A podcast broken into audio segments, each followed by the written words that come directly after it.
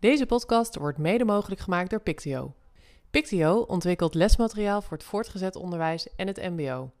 Dit lesmateriaal wordt digitaal aangeboden en is praktisch van insteek. Voor meer informatie www.pictio.nl.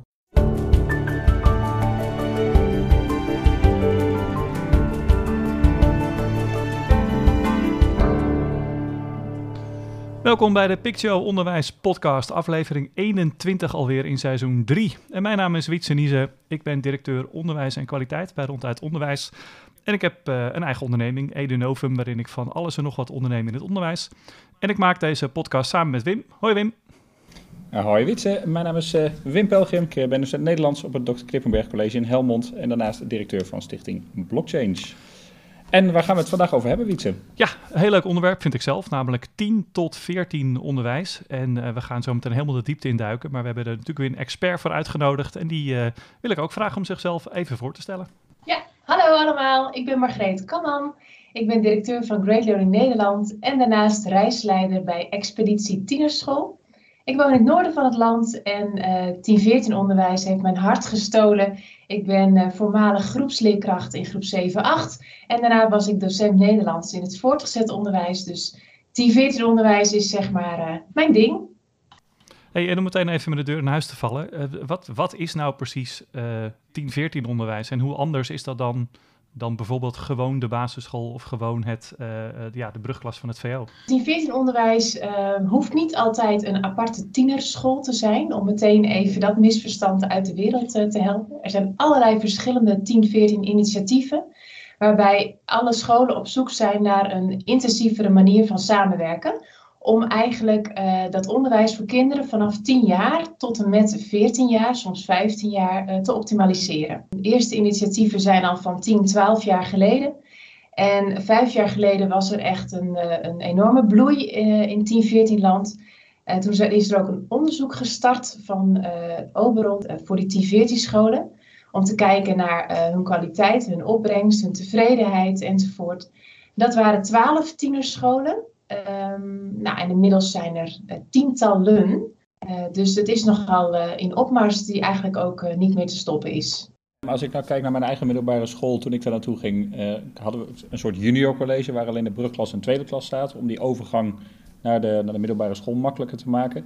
In hoeverre is dit echt een, een, nieuwe ontwikkeling of is dit anders dan wat er misschien in het verleden al geprobeerd is? Nou, wat anders is, is dat dat, dat overstapmoment eerder plaatsvindt. Dus kinderen zijn tien soms elf, als ze die overgang, uh, die overstap gaan maken. En als je kijkt naar de ontwikkeling van, uh, van kinderen, dan klopt dat. Een kind is vaak in groep 7, uh, zeker in groep 8, al toe aan nieuwe manieren van leren. je ziet ook dat leerkrachten in groep 7, 8 steeds meer moeite hebben om al die niveaus te bedienen. differentiëren in de bovenbouw, weet ik uit eigen ervaring, is een enorme kluif. Um, omdat de, de, manieren van leren, de, leerniveaus steeds meer uiteengaan. Um, dus allerlei redenen om dat, overstapmoment juist eerder te laten plaatsvinden. En wat ik ook interessant vind, is uh, hoe dat in het buitenland gaat. Um, ik heb on, een onderzoekje naar gedaan dat eigenlijk Nederland het enige land is die op, op 12-jarige leeftijd bedoel ik, uh, dat moment heeft geïnitieerd. Dus je moet met je twaalfde overstappen op een niveau en op een heel verkeerd moment in jouw leven, want dan ben je met hele andere dingen bezig. Wat ik belangrijk vind is dat we uitgaan van hoe zo'n tienerbrein werkt. Dus dat je kijkt naar de ontwikkeling van kinderen. En het zou fantastisch zijn als we een groep 9 en een groep 10 kunnen plakken aan iedere basisschool. Mm-hmm. Alleen we merken, en dat bedoelde ik zojuist, we merken dat het steeds lastiger is om te differentiëren. Dus uh, je hebt simpelweg uh, meer expertise nodig van bijvoorbeeld vakdocenten. Uh, dus die T14-initiatieven die zijn bezig met die twee vragen. Hoe kunnen wij kinderen meer bedienen? Wat hebben zij nodig? En hoe kunnen we beter aansluiten bij dat tienerbrein? En hoe ziet dat er dan in de, in de praktijk uit? En daarmee bedoel ik, hebben jullie een, een heel eigen curriculum? Of is de uh, vaardigheden van docenten, moet, moet die anders zijn? In principe staan natuurlijk de kerndoelen in het Nederlands onderwijs gewoon vast. Of je mm. nou uh, in een uh, groep 8 zit op een basisschool of je zit in een groep 8 op een 10-14 initiatief, die staan gewoon vast. En, en die zijn dus ook hetzelfde. Dus we hebben ons gewoon allemaal te houden aan de kerndoelen van het Nederlands onderwijs. Uh, de SLO heeft uh, de afgelopen jaren zich erg ingezet om ook daar een doorgaande lijn in aan te brengen. die kunnen mensen ook allemaal downloaden op de website. Ehm, dus, dus daarin is eigenlijk niet heel veel spannends. Het gaat meer om de manier hoe je die leerdoelen dan aanbiedt aan jouw leerlingen. En kan je daar eens een, eh, een inkijkje in geven? Uh, wat je ziet bij zo'n Team 14 initiatief, dat kinderen langer de tijd krijgen om door te ontwikkelen. Omdat simpelweg de docenten blijven differentiëren. Dus uh, een, een, kind van 13 die al toe is aan uh, wiskundestof van drie, derde klas VWO, dat kan. Dat is maatwerk. Um, een kind wat in, op 14-jarige leeftijd nog steeds moeite heeft met werkwoordspelling, dat kan, daar sluit je dan bij aan. Dus, dus differentiëren zie je echt enorm in de praktijk komen op de T14-initiatieven. En hoe zit het met dan, um, de, je hebt het over de kerndoelen staan centraal, maar ook de eindtoets in groep 8 um, is uh, volgens mij een verplichting. ik zit zelf natuurlijk niet in het basisonderwijs, maar volgens mij moet je die afnemen. Hoe doen jullie dat dan? Want dan ga je uiteindelijk toch stiekem op 12-jarige leeftijd selecteren. We hebben onderzoek gedaan. De enige verplichte toets die je moet afnemen in de leeftijd 10 tot 14 is een valide eindtoets eindgroep 8.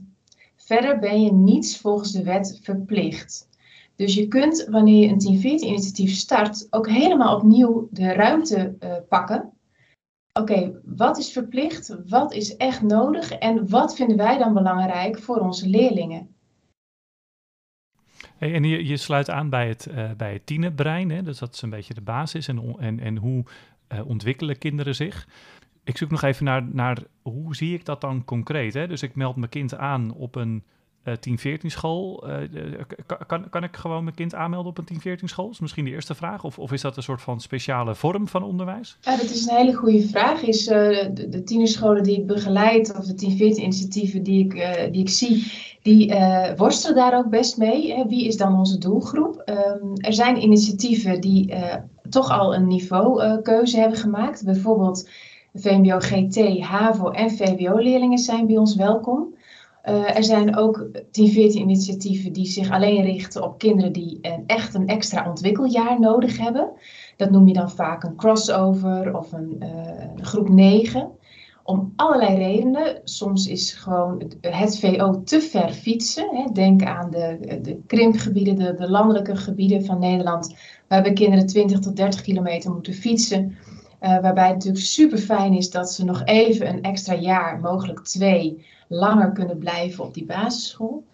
Um, en als je kijkt naar, uh, naar, naar, de doelgroep verder, um, het, zijn ook wel initiatieven die zich echt richten op een andere manier van leren. Uh, denk aan hele bewegelijke kinderen die heel nieuwsgierig zijn, maar eigenlijk niet een half uur stil kunnen zitten. Oké, hoe kunnen we daar dan op inspelen? Um, het zijn ook kinderen die op een hele creatieve manier leren. Sommige uh, tienerscholen richten zich echt daarop.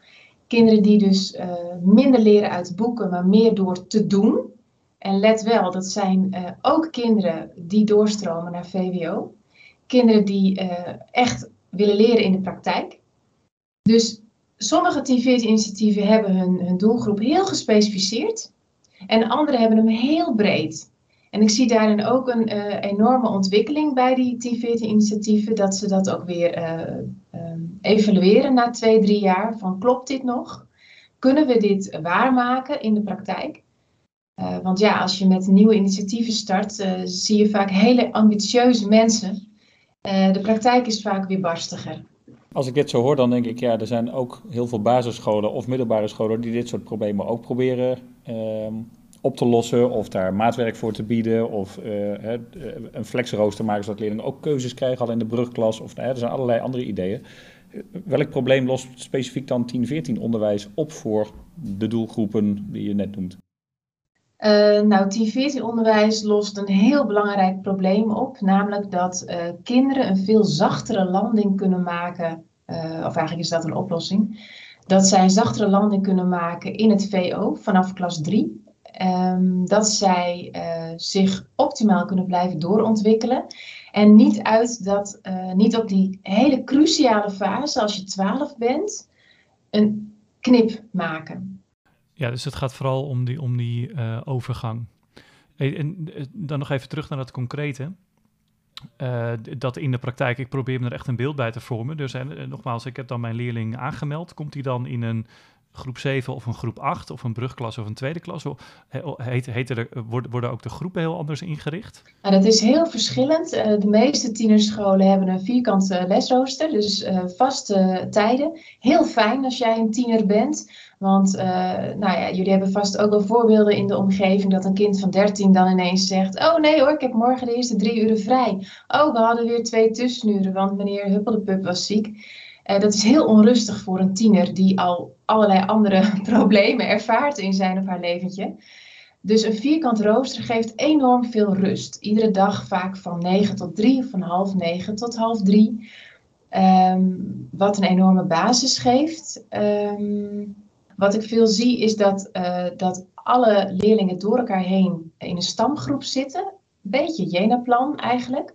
Mm -hmm. dus ze starten de dag gezamenlijk op in een coachgroep. En sluiten de dag vaak ook weer af met diezelfde groep, met een vaste coach.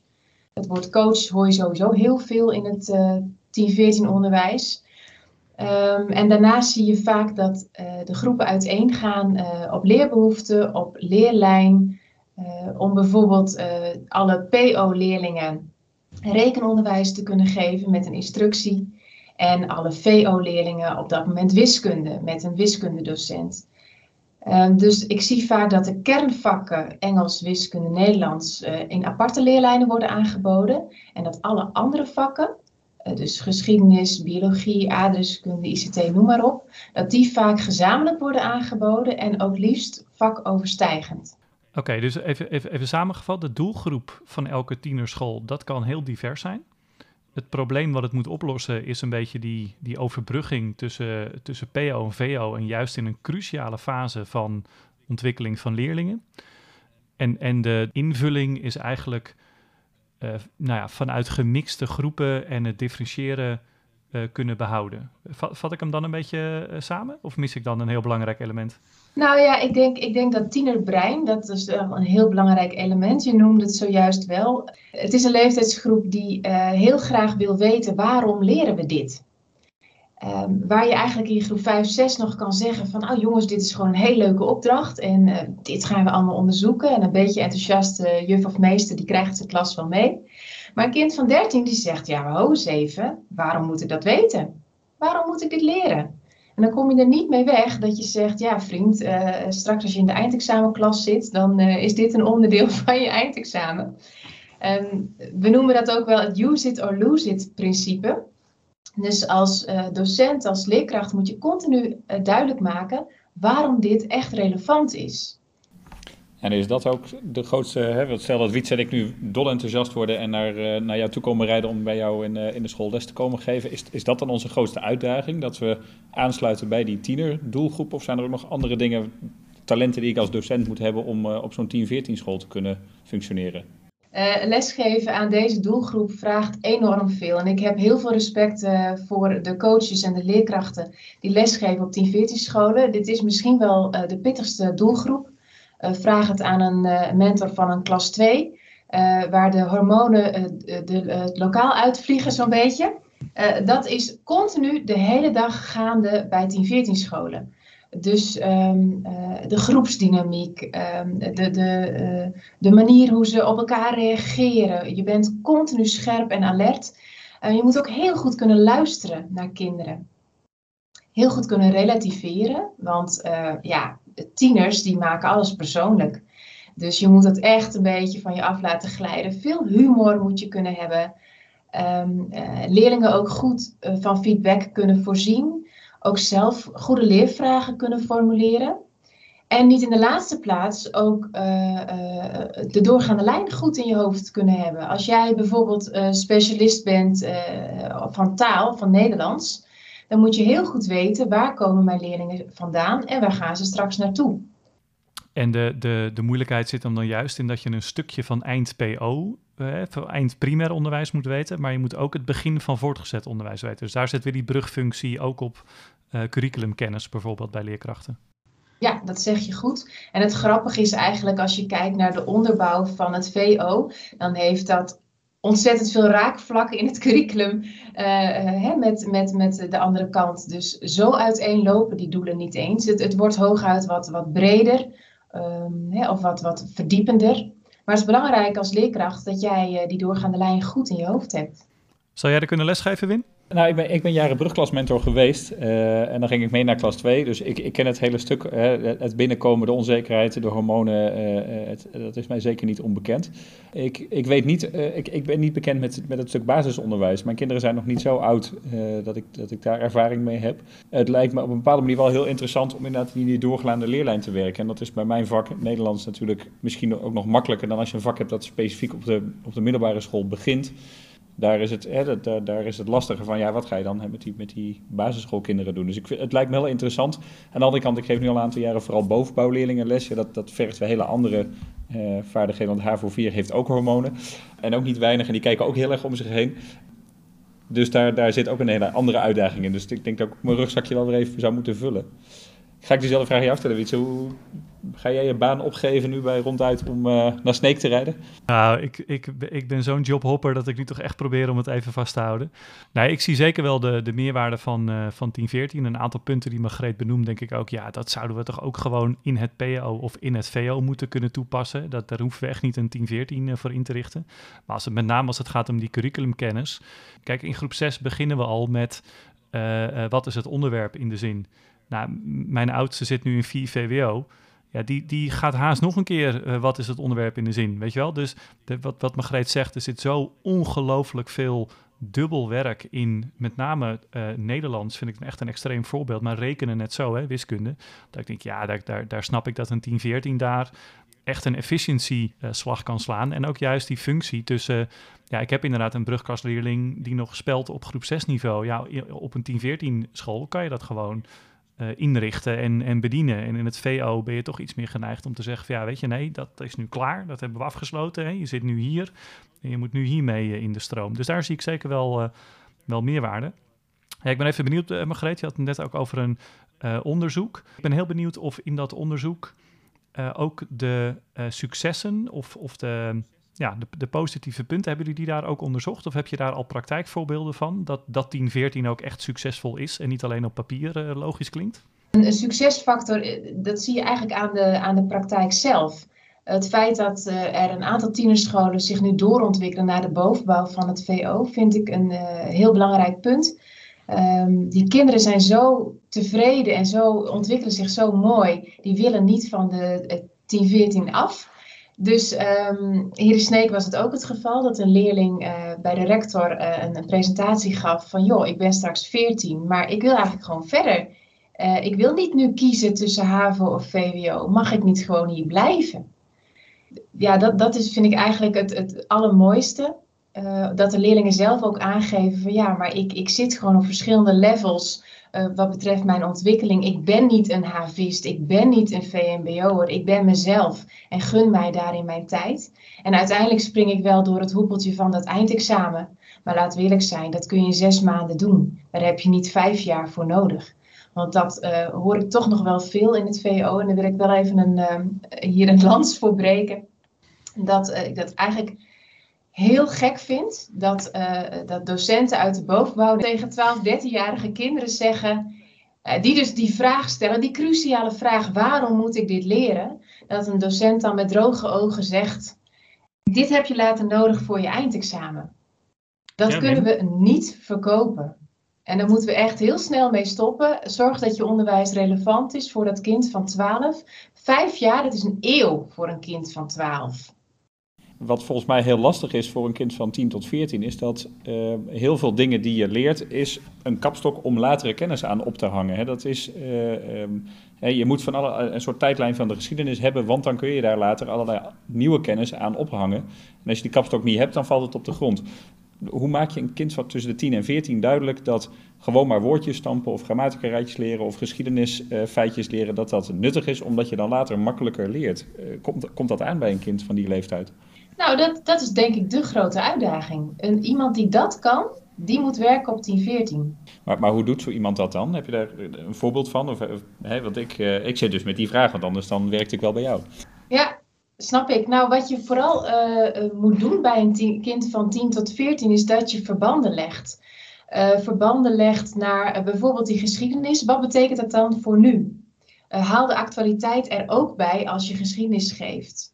Um, haal ook zijn persoonlijke leven erbij. Wat betekent het voor uh, het leven van dat kind zelf? Hè? Maak het relevant voor dat kind zelf in het nu.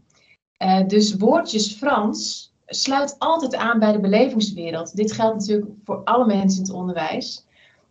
Maar uh, gewoon misschien ben je al in Frankrijk geweest. Uh, heb je daar wel eens, ben je wel eens bij de bakker geweest? En hoe was dat toen? Zou je volgend jaar als je naar Frankrijk gaat het niet hartstikke leuk vinden als je dan een brood kunt bestellen zonder dat je ouders meegaan?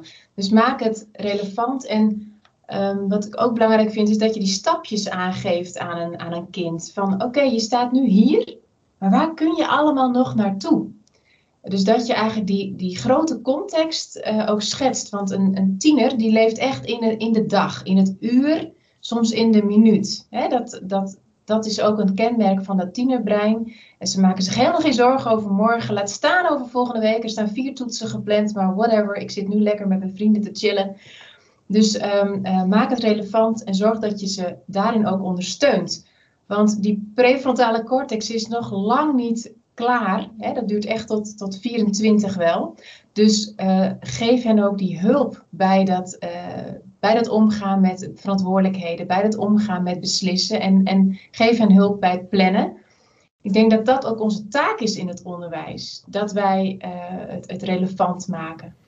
En wat, wat kwam nog meer uit jullie onderzoek aan, aan resultaten of opbrengsten, zeg maar?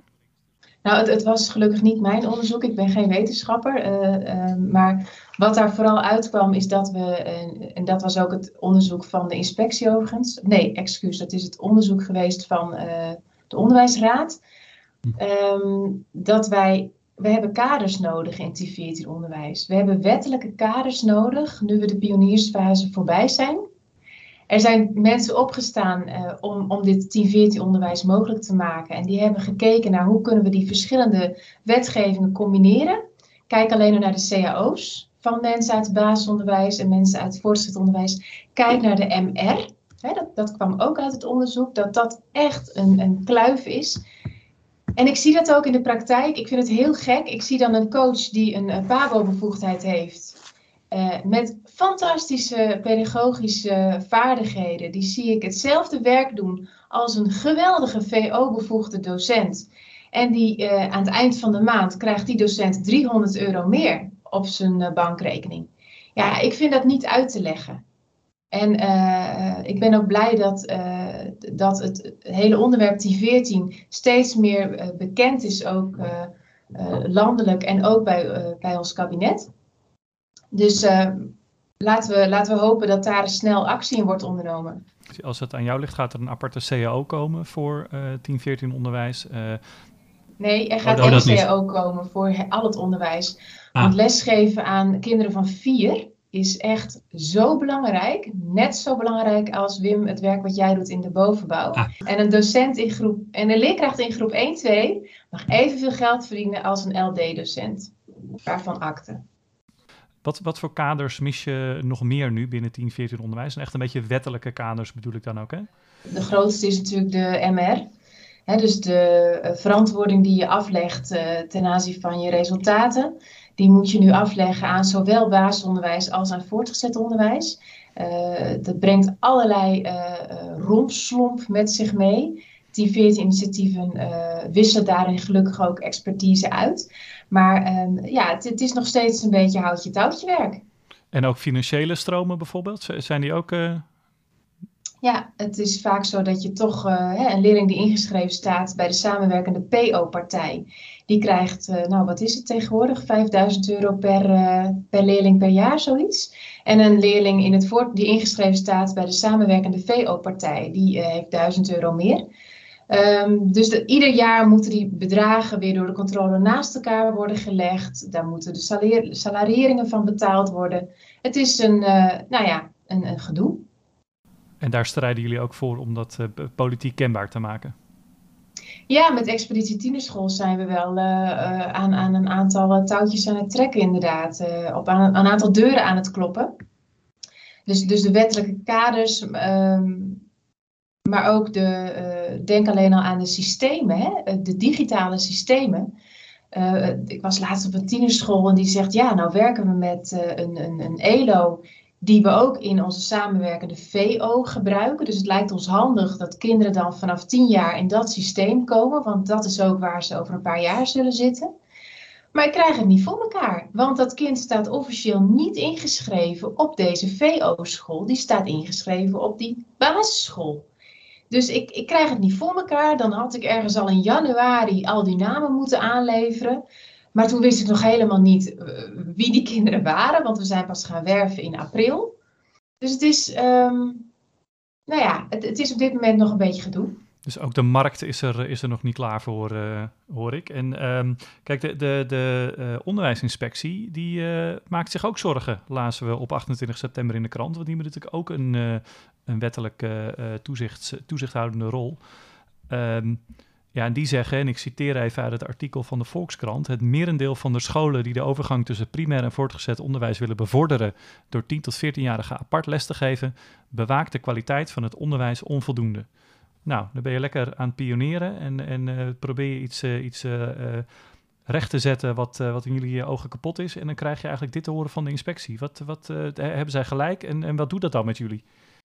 Eigenlijk vind ik het een heel positief ding dat de inspectie zich hier eindelijk mee bemoeit. En ik zie ook op alle 10, 14 initiatieven dat zij um, heel erg openstaan om het gesprek aan te gaan. Want dit zijn juist de mensen die uh, al veel langer ook roepen: jongens, we moeten iets met deze doelgroep. Op dit moment klopt het niet in Nederland.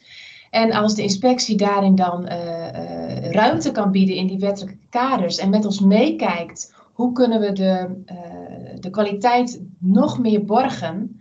Hoe kunnen we nog meer verantwoord, op een betere manier verantwoording afleggen? En met name samen kijken, hoe, hoe gaan we dat dan doen? Graag. Dus ik heb dat niet als negatief ervaren was blij met, met de media-aandacht en um, ik denk, uh, kom maar door. Laten we samen gaan bouwen om dit nog beter neer te zetten in Nederland. Want in, in, in de rest van, van de wereld, en zeker in Europa, is, is, is middle school al veel, een veel gangbare term. Dus ja, ik vind het nog rijkelijk laat dat de inspectie met een, uh, een, een onderzoek komt. Ja, dan, dan noem je eigenlijk een hele gevaarlijke term volgens mij in Nederland. Hè? Middle school, de middenschool. Dat is natuurlijk in de jaren zeventig, uh, ver voor wij volgens mij allemaal geboren werden, um, geprobeerd. En dat is toen afgeschoten. En als je nu in Nederland met het woord middenschool aankomt, dan uh, roepen allerlei mensen, oh den uil. En dan, dan is het ook gelijk weer verdwenen. Um, hoe komt het dat wij in Nederland zo, dat dat voor ons zo'n ding is? Want de inspectie zegt ook in datzelfde artikel uh, dat ze wel zien, positieve ontwikkeling zien op het gebied van non-cognitieve vaardigheden. Dus de inspectie is ook niet uh, erop gericht om 10, 14 de, de nek om te draaien. En toch maatschappelijk lukt het niet om dit echt goed van de grond te krijgen, lijkt het. Heb je een idee hoe dat komt? Ten eerste, het is al 50 jaar geleden dat wij inderdaad de middenschool hebben geprobeerd in Nederland. Dat zijn twee generaties geleden. De wereld ziet er compleet anders uit. En als ik op de scholen vraag van, goh, hè, zijn er hier nog mensen die daar ervaring mee hebben, dan is dat nul. dus die, die, die pijn die er mogelijk nog zit, ehm, ja, ik denk het is een compleet nieuwe wereld en, en ik heb daar wel ook een artikel over geschreven, overigens, over die middenschool. En een onderzoekje naar gedaan. En toen bleek dat, dat de middenschool met name um, weer losgelaten is. Want ik wil niet zeggen mislukt. Er zijn zeker nog initiatieven doorgegaan, maar die hebben weinig de publiciteit gekregen en ook gezocht. Dus waarom is dat hele middenschoolconcept toen losgelaten? dat had met name te maken de beslissers van dat moment. Dus dan heb je het over de mensen in de raden van toezicht. De mensen die de, de, de, alles controleren. De mensen in, in de, die werken bij de overheid. Welke hebben zij er baat bij dat hun kinderen naar een middenschool gaan? Dat zijn even, en ik chargeer nu, maar dit is wel een beetje een pijnpuntje, denk ik, dus ik doe het toch. dat uh, met name de VWO-leerling, die dus eigenlijk al met tienjarige leeftijd weet, ik ga straks naar een gymnasium en ik, ik ga daar me helemaal optimaal ontwikkelen, dat uh, um, voor die kinderen is een middenschool helemaal niet nodig. Uh, want die zit al op alle leer, op, op zowel rekenen als taal als geschiedenis, op alles zit hij al op een hoger cognitief niveau. Uh, ik zeg cognitief niveau, want er zijn daar natuurlijk allerlei andere ontwikkelpunten die ook een VWO-leerling nog dient te ontwikkelen en misschien wel beter doet met leeftijdsgenootjes die die ook op het voetbalveld weer treft. Maar dat terzijde. Dus um, de, hele reden dat de middenschool in Nederland is losgelaten is, is best wel precair. En ik raad ook iedereen aan die daar nieuwsgierig naar is om daar zelf eens even wat over te, te, te, lezen, want er is nog best wel wat te vinden. En wat ik mooi vind eigenlijk, is dat um, um, onze onderwijsraden en onze inspectie nu zegt, wacht even, wij, uh, ons selectiemoment komt te vroeg en wij differentiëren te weinig. Dus dat advies was eigenlijk heel belangrijk van vorige week. Um, we moeten beter differentiëren, tot 15 jaar zeker. En uh, het keuzemoment komt voor veel kinderen te vroeg. En daar moeten wij simpelweg iets mee. 10-14 onderwijs laat dat al zien op een manier. Maar in het, in, in, in het hele sector onderwijs moet daar iets mee. Eigenlijk heb je het dan ook over de, hele discussie rondom kansenongelijkheid. Want hè, die VWO'er die... Uh, ja, die zich dan moet aanpassen straks in de middels, middenschool. Dan, hè, zet ik hem even heel zwart-wit neer. Ja, dat, hè, dat, zijn toch de hoogopgeleide ouders uh, die nu ook allerlei bijlesinstituten betalen. Uh, die hun kind daar willen weghouden en die toch vooral ook niet naar het VMBO moeten, want dan uh, ben je maatschappelijk mislukt. Ik denk dat die discussies elkaar op dat punt wel heel erg raken, is mijn inschatting. Ik zie jou heel driftig knikken, maar dat hoort de luisteraar niet. Ja, nee, ik ben blij dat je dat noemt, want, want dat is echt wel een beetje een taboe in Nederland. Maar iedereen kent wel een buurmeisje of een, een klasgenootje die al vanaf groep 7 in de kerstvakantie met zijn uh, oefenboekjes zit, omdat in januari de eindtoets komt. Uh, of nou, die is dan nu naar de mei uh, verplaatst. En die ouders vinden het toch belangrijk dat hij een level hoger komt. Ik vind dat een schande voor onderwijsland hier. Uh, want ik denk, het moet toch potsiedikkie mogelijk zijn dat we in Nederland een, een onderwijssysteem creëren waarbij, kinderen, waarbij alle kinderen die kansen krijgen. Of jij nou ouders hebt die dat heel erg stimuleren, of jij, of jij woont in een, in een hele andere, je groeit op in een hele andere omgeving. Het gaat erom dat we het talent optimaal benutten. En het ene kind is 10 en, en die zit al op dat niveau. Maar het andere kind is 16 en komt pas tot bloei. Hè? Die, dus die, die, die momenten van, van groei, van ontwikkeling, die zijn ook heel divers. En uh, iedereen die wel eens bij een consultatiebureau geweest is, die weet dat. Ieder kind leert namelijk op een ander moment lopen. En dat vinden we allemaal oké. Ieder kind leert ook op een ander moment lezen. Krijgt interesse in letters op een ander moment. Het ene kind is vier, het andere kind is echt pas bijna zeven. Vinden we eigenlijk ook wel oké. Waarom vinden we het dan nog steeds belangrijk dat een kind met 12 kiest: ik ga HAVO doen? En we, sterker nog, we hebben dat met elkaar ook allemaal uh, geaccepteerd. En ik hoor toch nog heel vaak ouders ook met enige pijn in hun stem zeggen tegen hun kind: Ja, jongen, het is nou een keer zo. Ik moest toen ook naar de MAVO. Nou ja, je ziet het, het is met papa ook goed gekomen. Even doorzetten. En dan denk ik: Mijn hemel, het is 2021. Uh, gunnen we dat kind nou de kansen? Willen we daar nu op inzetten? Ja, en dat kan, want er zijn gelukkig een heleboel uh, initiatieven die dat al laten zien. Ja, ik heb één afsluitende vraag en ik ga er een keuzemenu van maken. Uh, vraag 1. Uh, we, we, spoelen even 10, 15 jaar verder. Waar ik zou 10, 14 jaar verder spoelen, maar dat terzijde. We spoelen 10 tot 14 jaar verder. Vraag 1. We spoelen 10 tot 14 jaar verder. Ja, past mooi bij het thema. Uh, waar staan tienerscholen dan? Uh, maar de andere optie, keuzevraag die ik je voorleggen is... jij, jij bent straks minister van Onderwijs. Wat is het eerste uh, wat, je, wat je zou gaan doorvoeren in zeg maar, het hele onderwijssysteem. En dan mag je zelf kiezen welke vragen je wilt beantwoorden. Nou, dan kies ik voor die laatste vraag. Uh, het eerste wat ik zou veranderen als minister van Onderwijs is de salariering. die zou ik direct gelijk trekken. Ik weet niet of ik die bevoegdheid heb, maar ik zou me daar zeer sterk voor maken. Ehm, hè, en nogmaals, een kind van, van drie in eh, zo'n belangrijke ontwikkelingsfase, uh, die verdient dezelfde aandacht en een leerkracht verdient diezelfde waardering aan het einde van de maand uh, als een, een docent op het HBO of de universiteit. Dus dat is nogal een uitspraak, denk ik.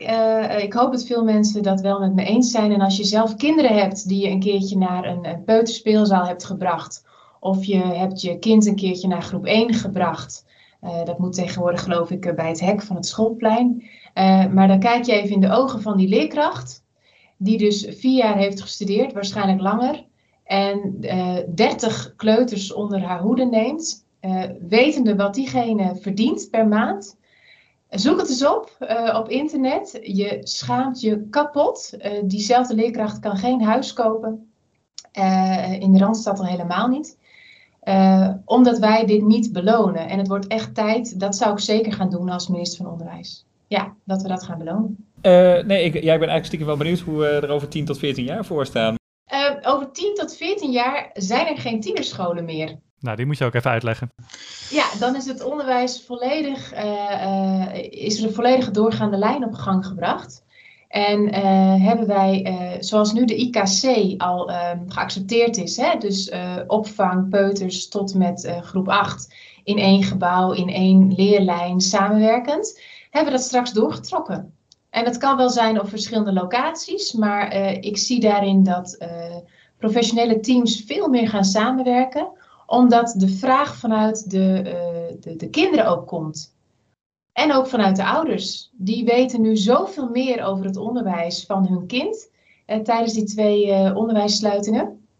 Tijdens de lockdown zijn ouders zoveel meer betrokken geraakt bij het onderwijs van hun kind. Dus ouders worden ook kritischer. Wat gebeurt er eigenlijk in die brugklas? En hé, hey, wat is dat anders dan toen je nog in groep 8 zat? dus ja, ik zie daarin het, met een hele positieve vibe tegemoet. Mooi, dan sluiten wij uh, positief af, denk ik, Wim. Het einde van de podcast. Dankjewel, Margreet, voor, voor jouw uitleg en inkijk. Wim, er brandt nog iets op jouw lippen? Ja, want wij hopen natuurlijk dat alle luisteraars ons blijven volgen, ook op social media. LinkedIn, Twitter, Instagram, uh, Facebook, we zijn overal te vinden. Uh, en deel ook vooral de aflevering. En uh, in heel veel podcast-apps kun je ook sterretjes achterlaten. Doe dat eens een keer. want als wij hoger scoren, hè, dan zijn we nog weer beter te vinden. Um, en er zijn inmiddels, dat hou ik op mijn eigen website bij, er zijn inmiddels meer dan 30 onderwijspodcasts. En, dus we hebben flink wat concurrentie en die ellebogen wij graag aan de kant. Dus help ons daarbij. Ja, wij gaan vooral niet samenwerken, hoor ik net. Dus uh, ja, die doorgaande lijn in podcastland, die gaat er niet komen. Nee, precies. Wij blijven de concurrentie uh, hopelijk uh, ver voor. En volgende maand zijn wij weer terug. Er komt binnenkort ook weer een Teacher Tab aflevering. En wij gaan volgende maand gaan wij het VMBO induiken. Dan gaan wij het hebben over de praktijkvakken. Iets waar een heleboel docenten, denk zowel in het primair onderwijs als ook in HAVO-VWO-scholen, eigenlijk heel weinig van weten. Het is elk jaar het ondergeschoven kindje bij de start van de eindexamens. Maar ontzettend mooi en interessant en goed wat daar gebeurt. Want daar worden vakmensen uiteindelijk eh, in de basis opgeleid. Dus daar gaan we volgende maand naar kijken. Mooi. Margreet, bedankt voor nu en tot de volgende keer. Tot de volgende keer.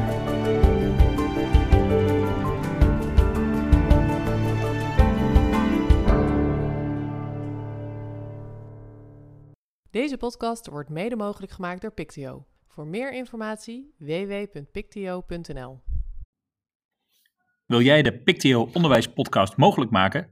Dat kan. Ga naar www.vriendvandeshow.nl slash pictio-onderwijspodcast en doneer maandelijks een bedrag of eenmalig. En daarnaast kun je ook een aflevering of meerdere afleveringen van onze podcast sponsoren. Naast Pictio word jij dan de sponsor van die aflevering en krijg je ruimte voor jouw reclameboodschap. Neem daarvoor contact op met Wim of met Wietse. De contactgegevens vind je in de beschrijving.